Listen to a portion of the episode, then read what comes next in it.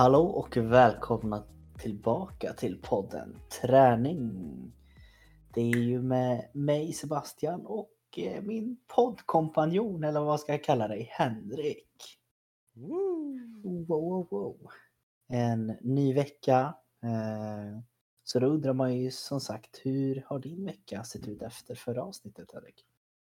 Eh, Det har väl varit ganska fullt upp. Dels hade jag ju besök här hela helgen Mhm. av eh, min poddkompanjon och en tredje kompanjon. Ja, det stämmer. Ja. Så att det, det var trevligt.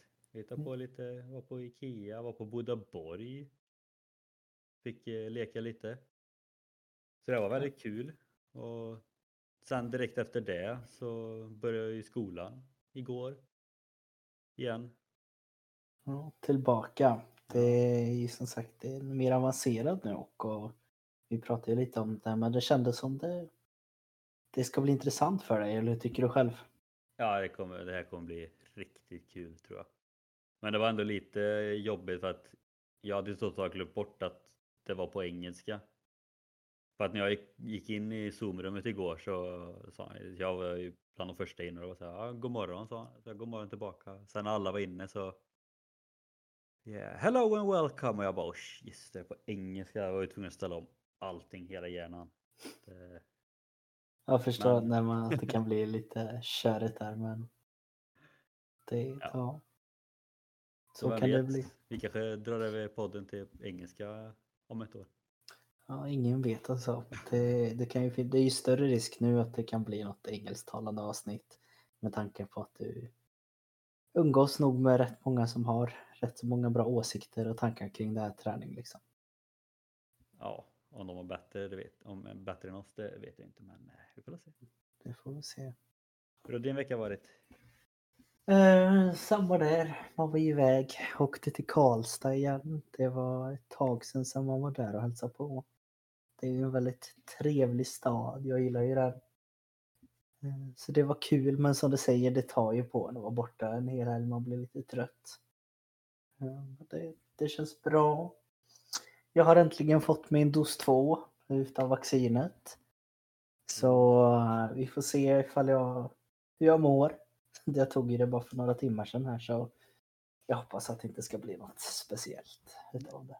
Det är lugnt. Det är bara att USA och Kina har koll på dig nu. Ja, det blir det. Annars, jo, nytt inom träningsvärlden är ju att jag har ju börjat att träna kampsport. Just det. Det är ju faktiskt nytt. Det har vi inte pratat om. Nej men det, är- det är himla kul. Eh, Det, självklart så kommer det med lite oli- olika reaktioner när man berättar för familjen. Eh, Men det får man väl ta. Men det är också så här, i största anledningen till att jag ville vara med och jag, varför jag kommer och tränar antagligen är ju för att jag vill öka min rörlighet och smidighet och få liksom som ett extra konditionspass med lite gemenskap eh, några gånger i veckan. Liksom. Ja, det var lite kul för jag vet att du du har ju ändå pratat om det här länge. Jag vet att du även försökt få med mig någon gång på det. Så det var ju här, det var ju kul att för du tog ju verkligen bara så här, du såg det på förmiddagen och drog på eftermiddagen och testade. Sen när Mm. du kom hit och berättade vad du verkligen hade gjort på passen då kände jag nog kanske lite som din familj där undrar vad fan du höll på med kanske. Ja, men det, det- är ju en sån sport som går ut på att du ska i, i princip Alltså det, det är hemskt att se men det går ju ut på att du ska skada den andra så mycket som möjligt när man tävlar i det. Det är ju det det går ut på. Men det är ju också jag har verkligen kommit fram till det att jag är ju så långt ifrån egentligen att vilja skada någon som det bara går. Alltså jag märker ju verkligen det när vi skulle träna vissa saker på varandra och jag liksom bara nej. Det här ska vi väl inte göra. Jag, liksom, jag bara, ska vi verkligen ha kroppskontakt? Men sen så jag tror ändå så att träningsmässigt är det bra liksom. Hur ofta, hur ofta gör jag bakåtkullerbyttor annars? Inte så ofta. Har jag någon användning för det? Ja, kanske, kanske inte för mycket men smidighet och koll på rum, rumsorientering och allt sånt tränar man ju upp bra där så jag tror det kommer bli kul. Annars får du bli den här snälla i gruppen som alla fått ut sin ilska på. Du får bara försvara dig istället. Ja, det, det kan jag gå med på faktiskt. Ja, ja. Nej, men så ser det ut. Men om vi går in lite på dagens ämne då. Så kommer det egentligen mer att vara ett tycka och tänka avsnitt. Debattavsnitt kan man nästan säga. Ja, men nästan. Vi vill ju vara ganska tydliga med i början att det vi lyfter idag finns ju egentligen ingen riktig forskning bakom att vi har rätt eller så. Och det tycker vi ändå så också är viktigt att det tas in lite ibland. Vi blandar ju väldigt gärna väldigt mycket när det är rent faktabaserat och rent vad vi tycker och tänker egentligen och vi tror att det kan bli en, en bra blandning, liksom lägga in de här två olika eh, synerna liksom på olika saker. Eh, och dagens ämne är väl egentligen hur vi tror eh, att elitsatsning eller viss form av press för barn och ungdomar kan påverka dem inom som idrott i tidig ålder och kanske till och med hela vägen upp till liksom junior. Ja, och här kommer liksom som sagt, det kommer vara våra åsikter så att eh, vissa av er kommer säkert hålla med oss och vissa kommer säkert tycka att vi har helt fel åsikter. Eh, det är så... väl lite det vi vill, tänker jag. Att ja, men igen... det är ju så det ska vara. Alltså, ja. sagt, det, det, är ju väldigt konstigt eller det blir väldigt tråkigt om alla skulle ha samma åsikter och då kommer man ju inte direkt framåt heller. Så att eh, tanken är väl också att vi tar upp liksom hur det var för oss med tanke på att vi har ju två Alltså ser man på vår uh, ungdomsidrott så är vi på två ändar av den här linjen när det kommer till elitsatsning och mm. inte egentligen. Ja men faktiskt det kan tänka, det är liksom, man har ju nästan kan jag tänka mig omedvetet pratat illa om varandras filosofi när man var yngre eller förstår du? Att de mina tränare och den bubbla jag var i pratade liksom, de där de, de satsar ingenting. Medan det kan kanske komma lite mer från din att oj, de är de där som går in redan från den här åldern och gör så och så. De förstör ju sporten liksom. Att, eh, det är verkligen två olika syner på det. Ja, och det är också det här när det kommer in till just här, trä, tränarfilosofi och det vet man ju själv när man, just nu när man jobbar som tränare. Man har ju en egen filosofi hur man, hur man vill vara och hur, hur man ser på sin idrott och allting. Samma sak där. Det, alla som har varit inom idrottens värld vi har väl troligtvis haft två eller flera olika tränare som mm. tycker och tänker olika. Ja. Och som sagt, det här är kanske ännu mer nu, just i vår, den här tiden vi lever i, just nu viktig för att vi vet ju med oss, och jag nämnde tidigare, att eh, barn och ungdomar rör sig mindre och mindre.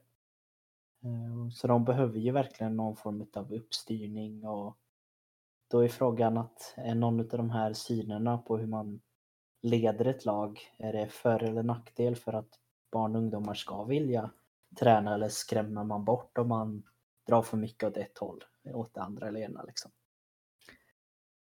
Ja. Så, ja, så jag tänker att vi, vi, vi börjar lite och en väldigt bra början tror jag som sagt kan väl vara att dra en liten bakgrund kring hur våra eh, uppväxt får man väl kalla det var inom idrotten. Även om vi har nämnt det tidigare så tycker jag att det passar bra för dagens ämne. Ska jag gå först? Ja, men jag tänker du kan börja. Hur, eh, hur såg det ut för dig när du började träna med filosofin? Alltså för mig så här kommer från en lit, väldigt liten by där typ fotboll var det enda som fanns att göra.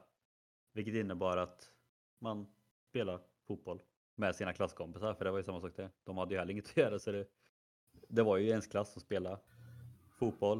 Eh, och där var det också så här, alla som vill vara med får vara med. Och där, alltså från tidig ålder så var det ju liksom så här alla ska få lika mycket speltid och allting. Och redan när jag var ganska ung, jag tror det var när jag redan gick i femman kanske, femman eller sexan. Så bli, då blev jag ju uppskickad på 11 manna redan då för att vi var för få spelare. Så jag gick ju upp i vårt dåvarande typ P19-lag var det ju. Bestod av spelare allt från 94 till 98. Mm. Och samma sak där liksom. Det vill säga alla, ja, men alla ska få spela. Så länge man tränar så får man spela liksom. Och så har det hela tiden egentligen varit. Men problemet för oss har ju varit att vi har ju aldrig varit så många så att det har ju aldrig liksom blivit, behövt vara någon konkurrens heller utan alla har ju behövt vara med för att typ få ihop ett lag. Mm. Och det var ju samma sak liksom för mig var det egentligen först när jag kom upp i A-laget och det var sånt där vi var för få för ett juniorlag.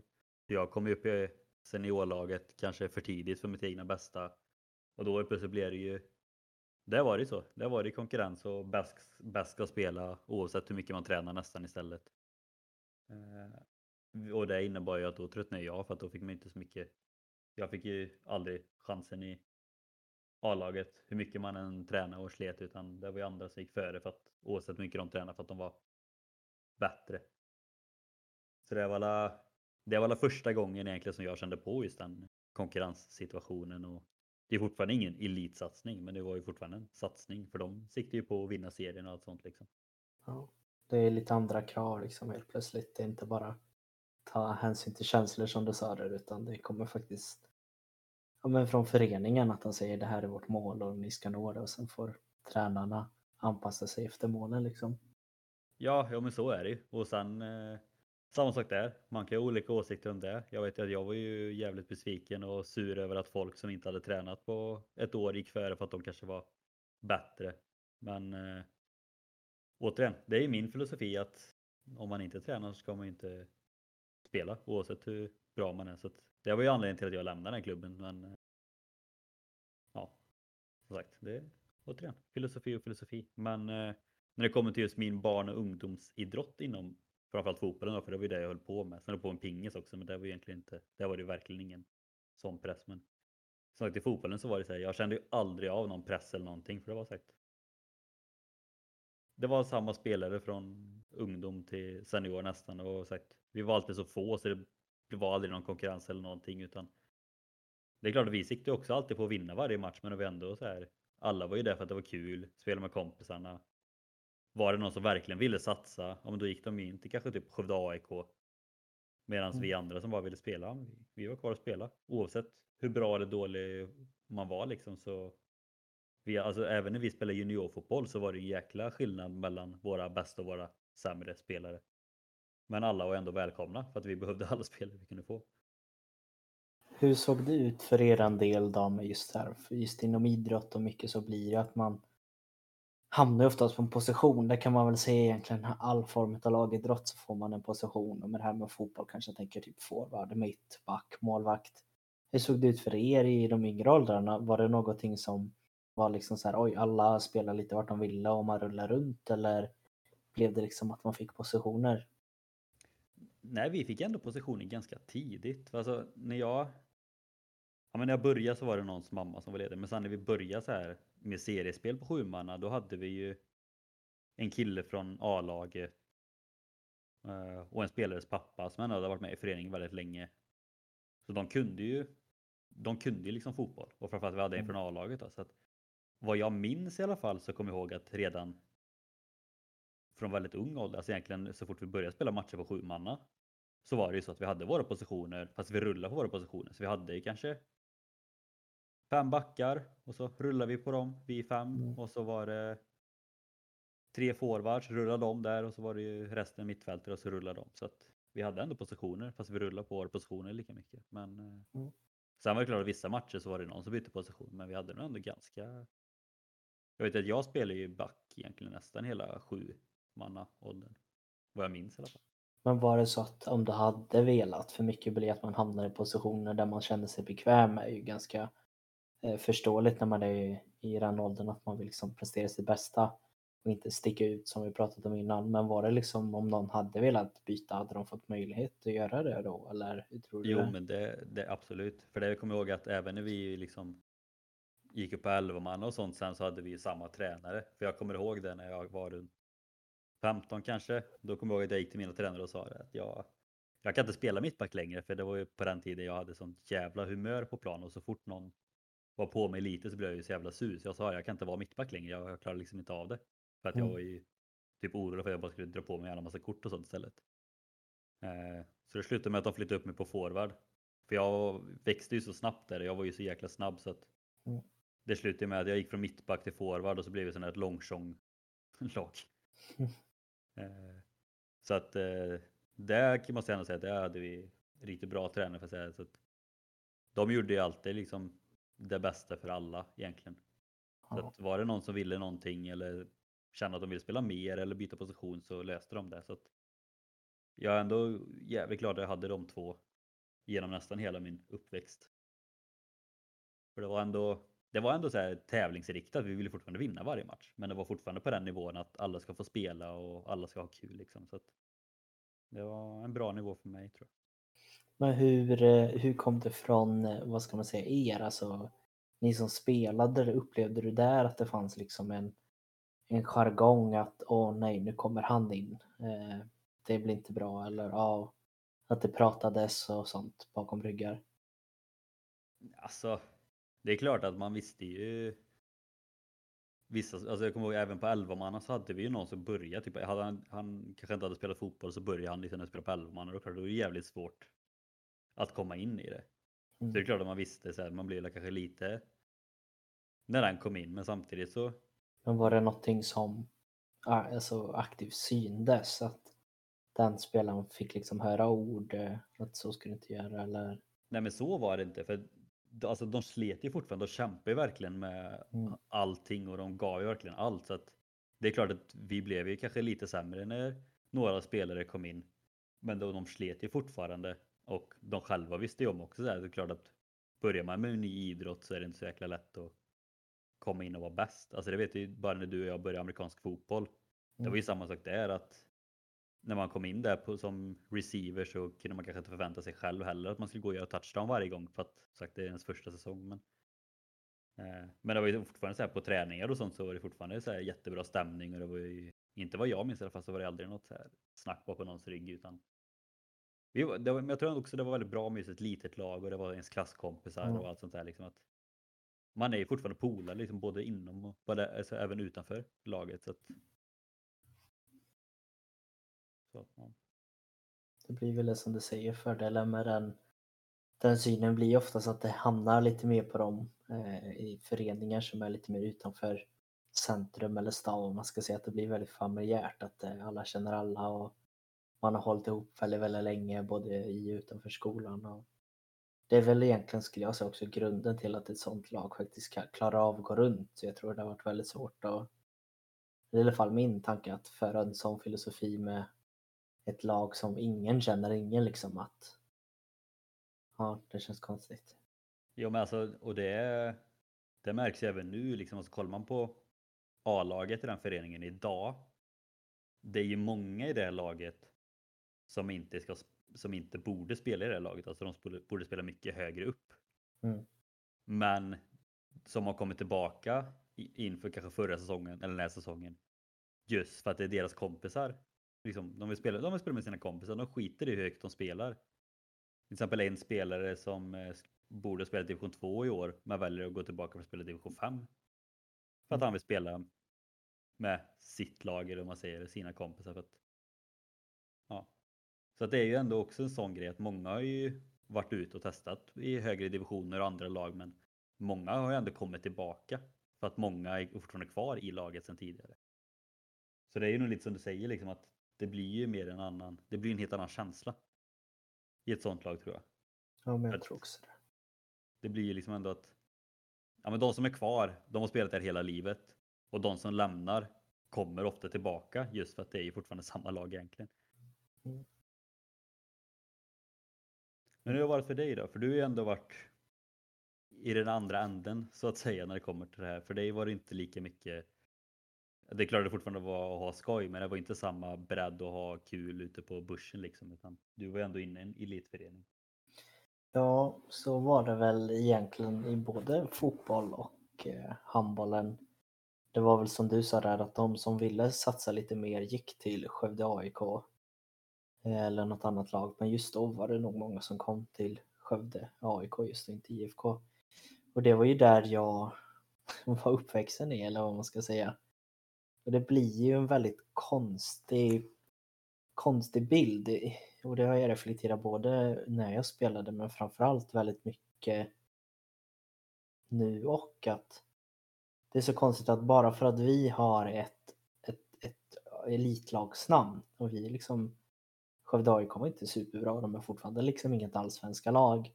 Men helt plötsligt så blir det helt att alla förväntar sig att vi ska ligga på en helt annan nivå när man i princip har spelat fotboll lika länge. Eh, och det tycker jag är väldigt konstigt att man kan tänka sig så mot typ 9-10-åringar att oj, det där är Skövde AIK, de ska vara bra. Men det är ingenting egentligen som säger att vi ska vara bättre än något annat. Ja, det kommer det kommer vi också ihåg sagt. Vi mötte ju ofta både IFK Skövde och Skövde AIK och alla de här lagen. Det var ju samma sak där. Man bara, ah, shit, liksom, de ska ju vara så jäkla bra. Men sagt, i ung ålder så är det ju skillnad. Så vi slog ju Skövde AIK och IFK Skövde liksom ett par gånger. Liksom, som, och vi var ju bättre än dem i vissa, vissa årgångar och sen var de bättre än oss vissa årgångar. Liksom. Det, i ung ålder är det ju ingen jätteskillnad så sett. Det är ju först i äldre ålder när de börjar värva alla bästa spelare från Arsenal. Ja, det är väl det som är det. Men sen så tror jag också att i grund och botten så här när man är en sån förening som ändå har ett namn för sig. Det blir en helt annan kultur med vilka som är med och tränar och det förväntas sig mycket mer. Vilket redan från början så tror jag att man pressas på ett annat sätt. Vilket det kan vara det som är skillnaden mellan att man presterar lite bättre och lite sämre när man möter varandra och den här respekten. Jag vet ju till exempel att när vi spelar sjumanna, jag minns inte riktigt att vi förlorade häromkring. Uh, I mitt huvud var det liksom att nu ska vi åka och spela av den här matchen. och det var liksom det, det, var, det var det man gick in med. Självklart så var det motstånd men det var inte snackade om att ja, nu ska vi inte släppa in så här många mål utan det var ju nu ska vi vinna, hur mycket ska vi vinna med? Vissa var ju självklart svåra och det, de vi, jag kanske känner igen är ju ändå så de andra tätare, lite mer välkända eh, namnen typ som IFK Skövde, Vomb, Skultorp. Det är liksom så pass långt ut där vi, där vi kände att vi mötte andra lag liksom. Och det vet man ju även liksom när man var i kupper. Då också blev det väldigt konstigt för då helt plötsligt var inte vi, då var vi ett bonnalag liksom. Ja. Och det, det minns jag så tydligt att vi mötte Brommapojkarna eh, i en semifinal, tror jag, Forward Cup eller så. Och då står deras, eh, deras publik, eh, typ mamma och pappa och andra barn, så sjunger de ramsan vi, vi, vi, någonting bla bla bla bla, vi är inte från landet liksom. Det var vad deras hejaramsa gick ut på, att de tyckte att vi var riktiga bönder liksom som kom upp. Och det, det är också så här så konstigt att igen, vi, vi, var, okay, vi var relativt gamla, det kanske var nio manna man var uppe på då, men det är ingenting som säger att de skulle vara bättre än oss. Liksom. Jag, tänkte, jag var bara tvungen att dubbelkolla här för jag tänkte säga bara, fan Bromma kan inte vara större än Skövde. Det var det. ja, det borde nog vara det. Och kulturen och liksom, det, man vet ju Brommapojkarna är bra. Men sen så tror jag att det blir väl det igen, det som kan vara största skillnaden är att det rent fysiska har jag alltid upplevt i alla sporter att med en elitförening så har vi haft det fysiska med oss på ett helt annat sätt. Eh, jag har ju nämnt det tidigare och det kanske framförallt i handbollen Eh, där man har varit van vid att redan innan vi gick på liksom att spela helplan på handboll och fotboll har vi haft rätt mycket fys. Det har varit att vi har lagt mycket fys på kropps, kroppsövningar, eh, ut och springa, alltså på ett helt annat sätt. För att det är det lite som kommer uppifrån att vi ska fostras till att bli en utav dem som kan ta klivet upp i A-lag. Och då måste man göra det här lilla extra. Så det är väl ändå jag liksom har tagit med mig. Eh, så jag har märkt väldigt mycket. Och det är väl också det som blir, man såg redan där pressmässigt att jag kan tänka mig de här som brukar hänga med lite som kanske inte riktigt har den här koordinationen och konditionen och styrkan som kanske kan hänga med lite längre i en lite mindre förening. Det blev väl lite naturligt för dem att de sållades ut.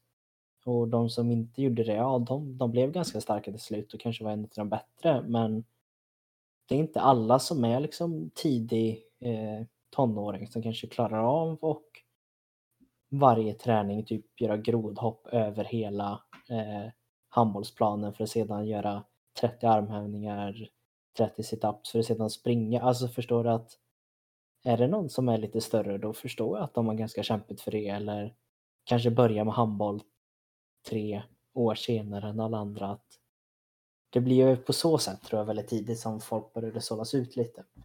Och det är ju där den stora skillnaden kommer mellan som sagt elitföreningar och breddföreningar eller ute på landet. Liksom att som sagt, för er var det så här att ja, men om några sållades bort, då var det kanske bara nästan bra på ett sätt. För sagt, det var de, det var de starka och de bra som blev kvar, vilket gjorde att ert lag blev bara bättre och bättre. Medan för oss så var det typ att skulle två stycken sluta, ja, då hade vi knappt lag längre. Mm. Det är verkligen så. Ja, så att, så att det är ju det som den stora skillnaden blir att, så att vi behövde allt folk vi kan få oavsett om de ens kan sparka på en boll eller inte. Medan ni kan, eller ni kunde, eller elitföreningar överlag som kan sålla bort och det är ju det är så de gör. Alla, alla, många vill ju gå till en elitförening för att de blir proffs. Och så, så det redan där så är det ett bra urval. Och sen ur det bra urvalet så sållas de sämre och de bättre bort. Så att det bara är de bästa och de bästa kvar. Mm. Så att, Ja, det, det, det var ju lite press ganska tidigt och det var samma där jag tänkte på positioner just att jag upplevde ju nästan att jag hade jag hade en backposition i fotbollen till exempel redan på fem manna. Eh, och det blev jag, då spelade jag back. Sen så kanske inte jag, jag ska ju inte spela forward egentligen, det vet jag ju, så det blev ju naturligt att jag var där bak. Eh, förutom när jag kom till en icke-elitförening, då kunde jag vara forward. Eh, men eh, det var ju det ganska tidigt och just det, det som jag reagerade på, det var därför jag frågade att jag har ju alltid levt med att i och med att vi var ett så bra lag så var det någon som inte presterade på en bra nivå. Att det hördes väldigt mycket från de andra barnen. Kanske inte så här att de säger åh du är dålig Kalle, utan det var mer liksom så här att får lilla Kalle bollen äntligen, då skriker typ 60% utav laget passa bollen Kalle innan han ens har hunnit göra något med bollen för att alla liksom tänker att "Åh, han, han klarar inte av att hantera bollen oavsett om det var handboll eller fotboll och mm. kanske ännu mer i handbollen upplevde jag det att där var det liksom att fick de bollen, det, de skulle ju i princip bara vara ett bollplank. Och sen så kanske det är enklare för att i och med att när jag spelar i handbollen så är det ju verkligen elit. De ligger ju i högsta serien och det är rätt många snäpp upp vad man förväntas och ska prestera. Och det blev det ganska naturligt väldigt tidigt att även tränarna liksom skickar ju ut. Från början var det ju att man skickade ut de lite sämre spelarna på kant. För där behövde inte bollen komma så ofta, de behövde inte ta i bollen lika ofta, behövde inte ta lika mycket beslut. Så det var ganska tydligt där i yngre åldrar så var det de som kanske var lite mindre eh, hade lite mindre talang eller hade kanske inte hunnit växa lika mycket som hamnade där. Men det är lite som, det är lite som i fotboll också. Alltså de sämre kommer ofta in som forward. För det är Mm. så här, om tappar man bollen eller gör ett misstag där uppe så är det inte så farligt egentligen. Medan som back kanske det blir ett friläge utan så att det är väl lite, lite samma. Jo men lite liknande. Men så som jag förstod det så upplevde du aldrig att det var liksom den här suckandet och stönandet ifrån egna kamrater liksom? Alltså det, är klart, det är klart det kan, komma ibland men det var ju liksom det kunde det bli mot alla. Och så om någon kan, höll i bollen för länge och inte passa eller om någon tvärtom hade läge att skjuta fast det vänder hem eller om någon gör en dålig passning och blir friläge eller så här. Så att, Men då är det ändå som någon form av tekniskt fel eller att man gör något som inte är optimala. Det jag menar är liksom att du, du står på högerkanten, får bollen och har ett fritt läge och hela ditt lag står och skriker att skjut inte. nej precis, så, så brutalt har jag ju inte varit med. Nej. Det var jag fall. Nej, och det är liksom någonting som jag, jag vet redan då, och det kanske var för att det var flera av mina bekanta som hamnade på kanten, att jag reagerade så starkt på att ett helt lag kunde liksom stå och skrika skjut inte. Alltså verkligen så här, skjut inte, passa bollen, du, vad, vad gör du? Du ska bara vara ett bollplank. Och där ser man ju verkligen så här hur viktigt det var att vinna liksom. Ja men det är ju så. Alltså, vissa växer ju upp med att vinna är allt. Men som sagt, jag tror Mm. också det. Som sagt, jag kommer från en väldigt liten by och där man är uppvuxen med de tränarna som jag hade i ung ålder så var det ju så snarare att behålla så många som möjligt. Så det beror ju verkligen på vad som präntas in i ens hjärna. Liksom för oss har det ju, alltså klart, vi har ju alltid velat vinna alla matcher, men för oss har det liksom aldrig varit att så att vi har ju aldrig varit det stora laget i kommunen som ska gå rent. Eller vi har ju aldrig haft den känslan som du kanske hade att man ska gå och vinna varje match. Utan för oss så var det ju klart vissa matcher visste man okej, okay, nu ska vi vinna. Men det var ju inte. Jag kan inte komma ihåg någon gång som vi liksom gick in och bara att vi ska gå rent den här säsongen eller någonting. Utan det var ju nästan bara så här, man tar match för match och så får man se liksom lite hur det går. Mm. Men om vi går in lite vidare då för att ha någon form av grund att stå på. Om vi tar och börjar grunderna liksom från ditt, tror att vad finns för nackdelar med att inte liksom ha någon form av riktig satsning eller toppning eller hur kan det negativt påverka ett lag och liksom om man går in ännu djupare, hur kan det negativt påverka någon på individnivå? Alltså, för, mig, för mig har det ju alltid varit så här och den här frågan har ju dykt upp. Jag vet inte hur många gånger under min utbildning. Det är ju ändå en ganska vanlig debatt som dyker upp och varit väldigt mycket det senaste nu med att vi ska inte räkna tabeller i unga åldrar och vi ska inte satsa och allt sånt där. Men, men för mig har det ju alltid varit att, om vi också, som vi alltid nämner i podden, alla är olika. Alla har olika mål. Alla vill olika. Då tycker jag att det ska finnas möjligheter för alla. Mm. Att de som inte vill satsa utan bara vill spela för skojs skull. Då ska det finnas liksom lagom möjligheter för det. De som vill satsa och liksom verkligen vill bli proffs. Då ska det finnas möjlighet till det. Jag vet ju framförallt Brommapojkarna har ju fått så otroligt mycket skit, framförallt de senaste åren, för deras sätt att jobba på. Och jag, jag står inte bakom alla sätt de jobbar på, för i vissa fall kanske de är lite brutala. Jag vet inte allt, utan det är bara sånt man har hört. Mm. Men å andra sidan så att alla föräldrar som sätter sina barn hos Brommapojkarna vet ju vad det är för förening. De vet vad de står för. Brommapojkarna har också gått ut tydligt att de är en elitförening där ungdomarna satsar för att de ska bli elit. Och då är det ju, då är det ju upp till föräldrarna. Vill jag sätta mitt barn där och riskera att den kanske tröttnar på sporten? Nej, du kanske sätter en annan klubb och så får vi se sen när den blir äldre själv om den vill byta upp sig.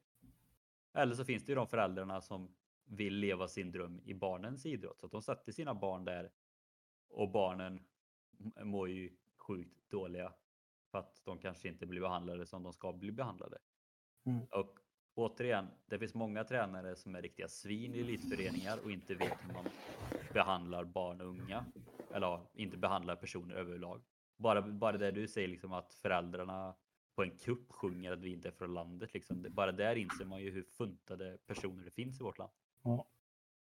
Men jag känner ändå så här att det är klart att det finns ju någon form av gräns just med elitsatsning och liknande. Man ska inte börja allt för tidigt, men för de som vill så ska det finnas möjligheten.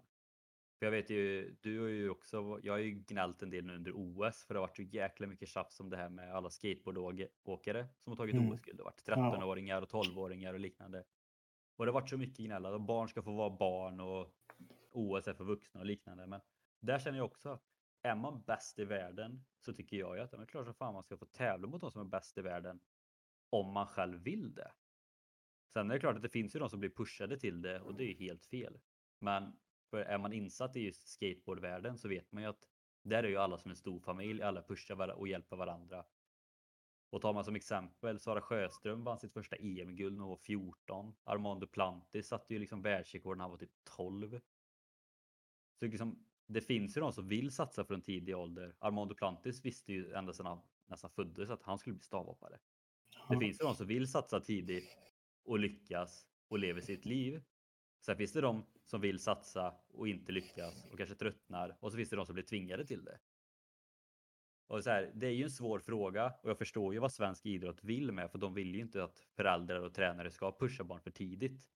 Men jag tror att det är helt fel väg att gå för de som vill satsa. För jag tror ju att vi tappar väldigt många som vill satsa och istället slutar för att de kanske inte får den utmaningen som krävs. För det är också en grej med just barn och unga att men det kommer till motivation överlag.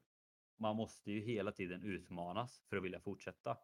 Ja. Om man inte utmanas så tröttnar man ju. På samma sätt som om man kommer på en för svår nivå så tröttnar man. Man måste ju hitta en jämn nivå. Och det är där som jag är lite emot just sättet som kanske svensk idrott jobbar med just nu, att vi ska hålla tillbaka allting så himla noga. Vi är så rädda för att tappa folk så vi kanske, vi kanske inte ens tänker på att vi tappar folk åt andra hållet istället. Ja, men jag tycker det är allt som du säger så håller jag extremt mycket med. Eh, och jag tycker grunden är det där du säger att när man försöker göra det så, vad ska man säga, tillgängligt för alla, att det blir mer än extremt åt ena hållet. Och det är ju verkligen det som vi i samhället lever idag. Eh, jag kommer inte gå in jättemycket på det jag ska ta som ett exempel, men det är ett praktexempel på någonting som Sverige väldigt mycket bygger på idag och det är bara det här ordet att det blir ju mer och mer vanligt att man börjar kalla folk för hen. Mm. Eh, I början när det kom då vet jag att man själv skämtade om det bara, men hen och så skrattar man lite. Men idag så är det helt plötsligt mer en standard att använda hen för man vill inte offenda de som inte ser sig som det könet till exempel som man utger sig för att vara. Jag har inga problem med det, men när man får ta hänsyn till och det är exakt samma i sporten, det är att genom att kalla, om vi säger mig, om vi hade tagit mig till exempel, genom att kalla mig för hen, då aktivt drar du ner min egen känsla om att jag ser mig själv som en man. För det är det jag gör och det gjorde jag även när jag var ung. Jag ser mig själv som en kille. Man kan inte argumentera vad man vill om att ah, men du blev inbyggd till att vara en kille. Ja, skiter i det. Jag såg mig som en kille. Men om någon hade kallat mig för hen, då hade jag ju blivit lite, jaha, men jag, jag är en kille, jag är ingen tjej, eller ser du inte det? Och det blir ju exakt samma i sporten genom att jag kanske var, växte väldigt, väldigt snabbt och sen så vill jag ha det här och pressa, pressa. Men sen så ska man ta extremt hänsyn till alla, alla och helt plötsligt jag som älskar och pressa mig till 100 måste pressa mig till 40 procent för att om vi tar lilla Kalle igen. Lilla Kalle vill inte satsa 110 procent. Och det är, det är ju exakt det du säger att det, det, går inte att vara alla till vägas eller om man ska lägga upp det. Det funkar inte i något, någonting, någon fråga känner jag att, att det kommer alltid vara någon som är inte nöjd. Det kommer alltid vara någon som tycker det är för hårt, för lätt, för mycket, för lite. Men jag tycker inte att man ska då istället sänka kraven för alla. För det är lite det vi gör nu faktiskt. att man, Vi sänker kraven för alla så, det så, att, eh, så att man klarar sig. Okej, okay, folk kanske mår bra utav det men jag tror inte gå runt och överlag och bygga ett samhälle eller idrottsförening på att, att man behöver inte ge 100 procent, för det är som du säger att man vet det, det vet vi faktiskt forskningsmässigt. Det är ingenting vi behöver bara ha känslor utav utan vi vet att känner man att man inte utmanas i en idrott då är det mycket, mycket större chans att man slutar. Känner man att man inte får en progression i sin träning då är det mycket större chans att folk slutar. Och jag ja tror om några år så kommer vi att se det här mycket tydligare. Att få mer sluta för att de känner att ah, jag får inte, det är ingen utmaning pappa. Det, jag kan inte göra det jag vill. Nej, för jag vet till exempel alltså i mitt lag när vi kom upp i 15-16 års åldern. Då var det tre stycken i vårt lag som bytte till Skövde AIK för att de ville ge det ett försök att satsa. Mm. Och det var inget konstigt. Ja, de ville satsa. De gick till Skövdes största elit förening. Medan vi som inte ville satsa ville lira kvar och hade det kul ändå. Medan de bytte upp sig och fick testa på att satsa. För någon, någon spelade jättelänge och det gick jättebra för. Någon eh, höll på ett tag men tröttnade och kom tillbaka. Liksom, alltså här. Men det var ju liksom inget konstigt för varken oss eller för dem. Och sen tycker jag också det är så konstigt med tanke på att vi är så noga med att hålla tillbaka allt på ung ålder. Men till exempel nu på OS sätter vi istället krav att har du inte chans att komma topp 8 så får du inte åka till OS även om du egentligen har kvalat in. Mm. Det blir så brutalt då att vi från ung ålder helst inte ska tävla för tidigt eller satsa för tidigt. Sen kommer vi upp när vi ska vara redo att tävla. Då sätter vi så brutalt höga krav istället. Så att majoriteten inte kan tävla för att de inte får tävla. Eller så mm.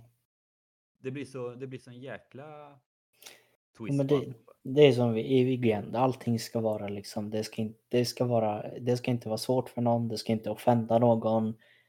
Eh, det ska liksom bara vara så perfekt, men när det blir för perfekt så blir det dåligt till slut. Ja, ja. Nej, och det, sen så är det något som du också tog upp som jag tror i grund och botten allting hänger på. Det är att jag jobbar ju på en skola till exempel, eh, där det är barn och ungdomar i, i den här åldern som vi pratar om. Tror du de på sina raster går runt på fotbollsplan och säger nej, vi räknar inte poäng? Nej, det gör de inte. Det är liv och död om vem som vann. Det kan nästan vara att de skippar rasten för de måste köra sista målet vinner. Och det är den många kulturen och det är det idrott är och handlar om. Idrott handlar inte om att man ska i slutändan, ifall man vill göra en karriär utav det, att man ska spela bara för att det ska bli lika. Det är mycket det många fastnar med idrotten, att det är en tävling, det är en kamp. Det är att du möter någon. Det är inte att du ska gå och göra att det ska bli lika. Men det var ju lite så vi nämnde här innan vi började spela in. Att just det här med att de har tagit bort tabeller innan, är innan man är 13. Jag vet inte riktigt vilken ålder det är. Men, men det är fortfarande som du säger så här att bara för man inte räknar tabeller. De som spel, barnen som spelar vet ju fortfarande vem som vinner och vem som förlorar och hur många mål det blir. Mm. Och bara för att man tar bort tab tabeller så betyder inte det att tränarna helt plötsligt slutar toppa laget. Alltså nej, nej. Är det en tabell, alltså för det var därför de tog bort tabellerna för de inte vill att man ska toppa laget i ung ålder.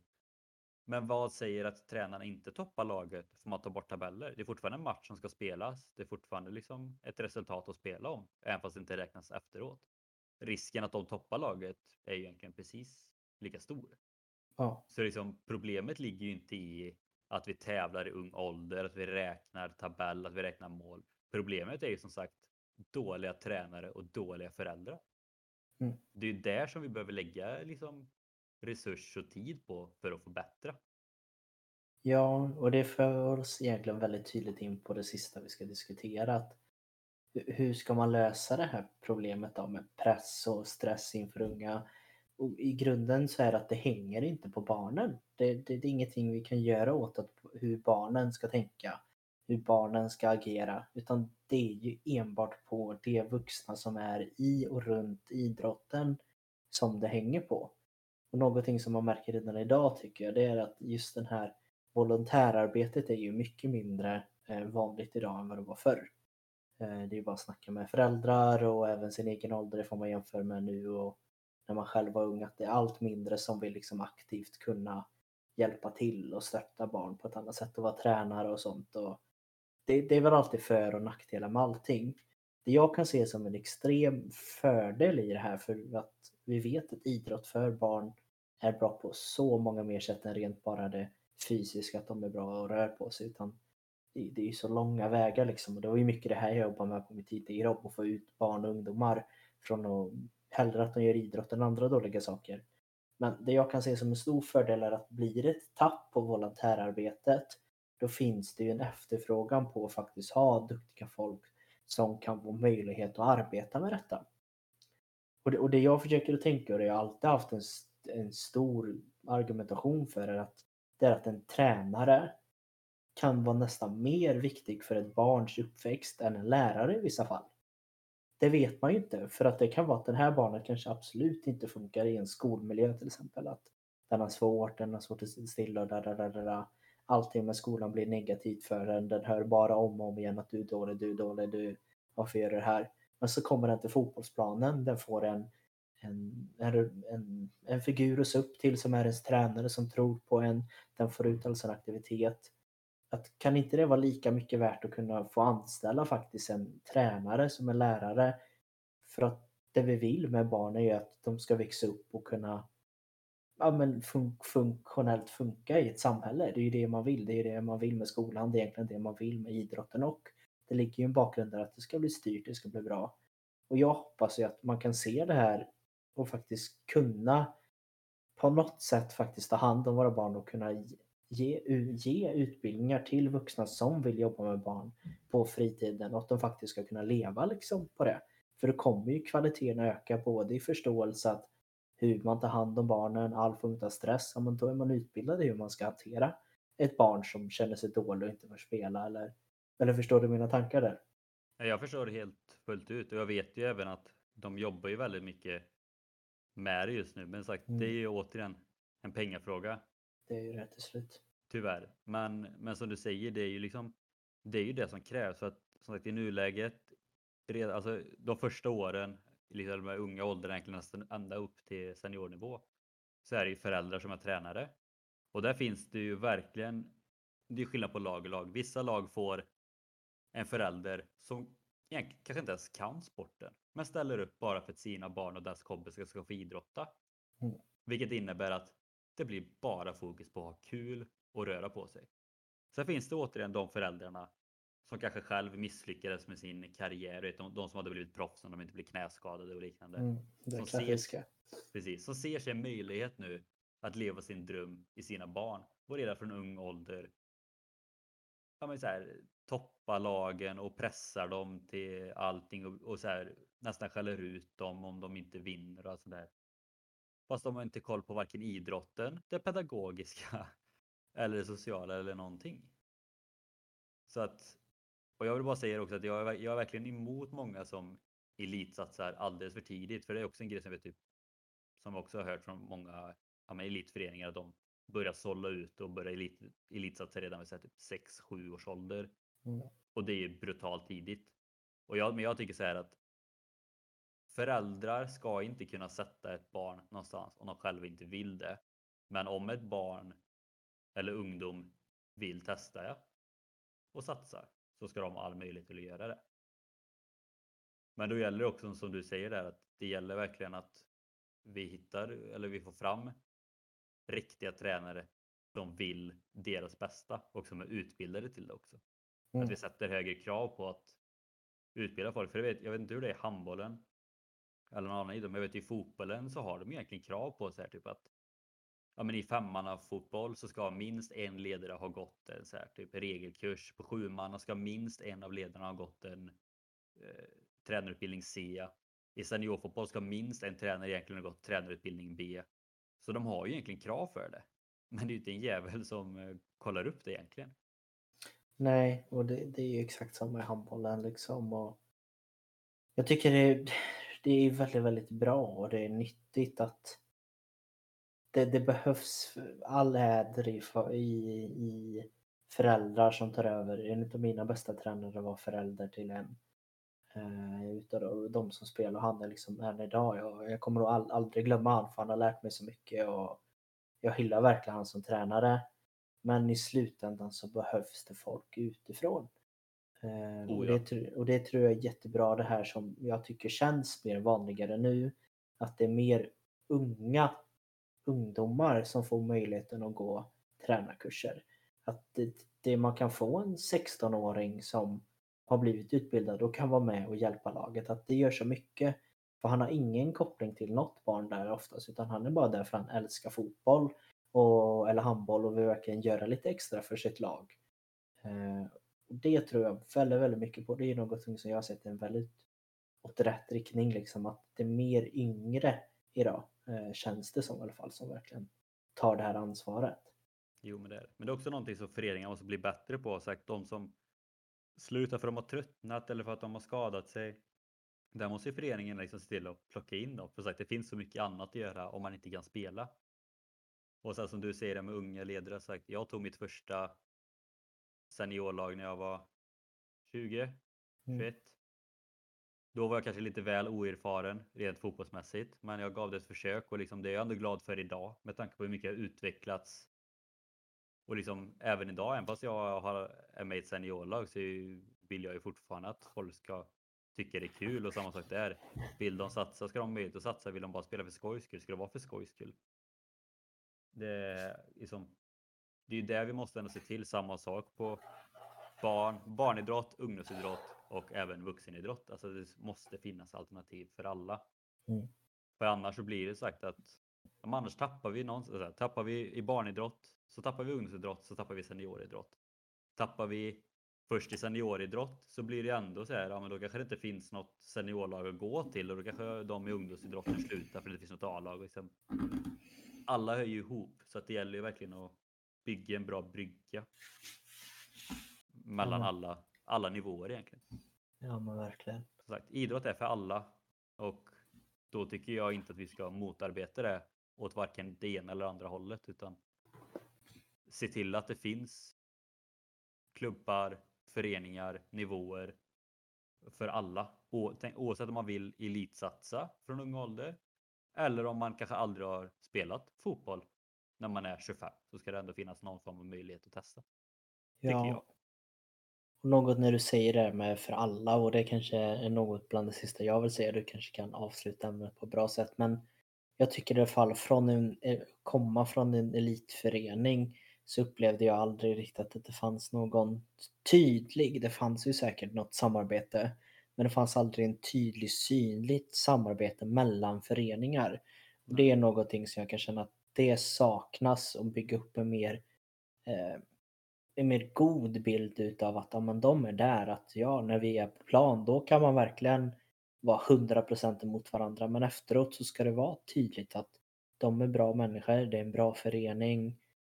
Jag skulle till och med kunna se att det skulle inte alls vara negativt om man någon gång har aktivitetsdagar där man kanske drar ihop eh, Skövde AIK och IFK Skövde på en dag tillsammans. Där man tränar och har ett koll, att man ska visa mer som ett.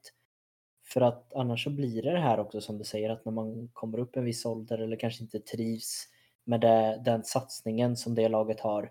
Det blir ju många som bara faller bort. Och det var ju, då talar jag också mycket för mig själv. För mig var det liksom svårt att byta förening. Eh, för att i mitt huvud fanns det inget annat. Att misslyckades man där, då i princip fanns det inget mer. Nu vet jag att det inte är så extremt, men det var sådana tankar som gick runt i mitt huvud. Jag kan tänka mig att det är många barn som känner att ja, men de här satsar så hårt och men jag har hört att de är bra, men där har inga kompisar och alla kommer tycka jag är dålig, går dit. Men hade det varit så att två lag hade tränat någon gång tillsammans och haft någon litet koll och då hade det varit mycket mer acceptabelt att röra sig och då blir det det blir enklare för både barn och föräldrar att kunna ändra sig om man känner att det inte passar liksom. Ja, men det tycker jag också är väldigt viktigt för att men så var det för mig liksom när jag tröttnade på min, min förening där. Det var ju samma sak, det finns ju hur många fotbollsföreningar som helst i Skövde. Mm. Men det är som du säger, alltså, ja, de, är, de är för bra, de eh, satsar bara och sen man har inte så jättebra koll på dem egentligen fast man tror det.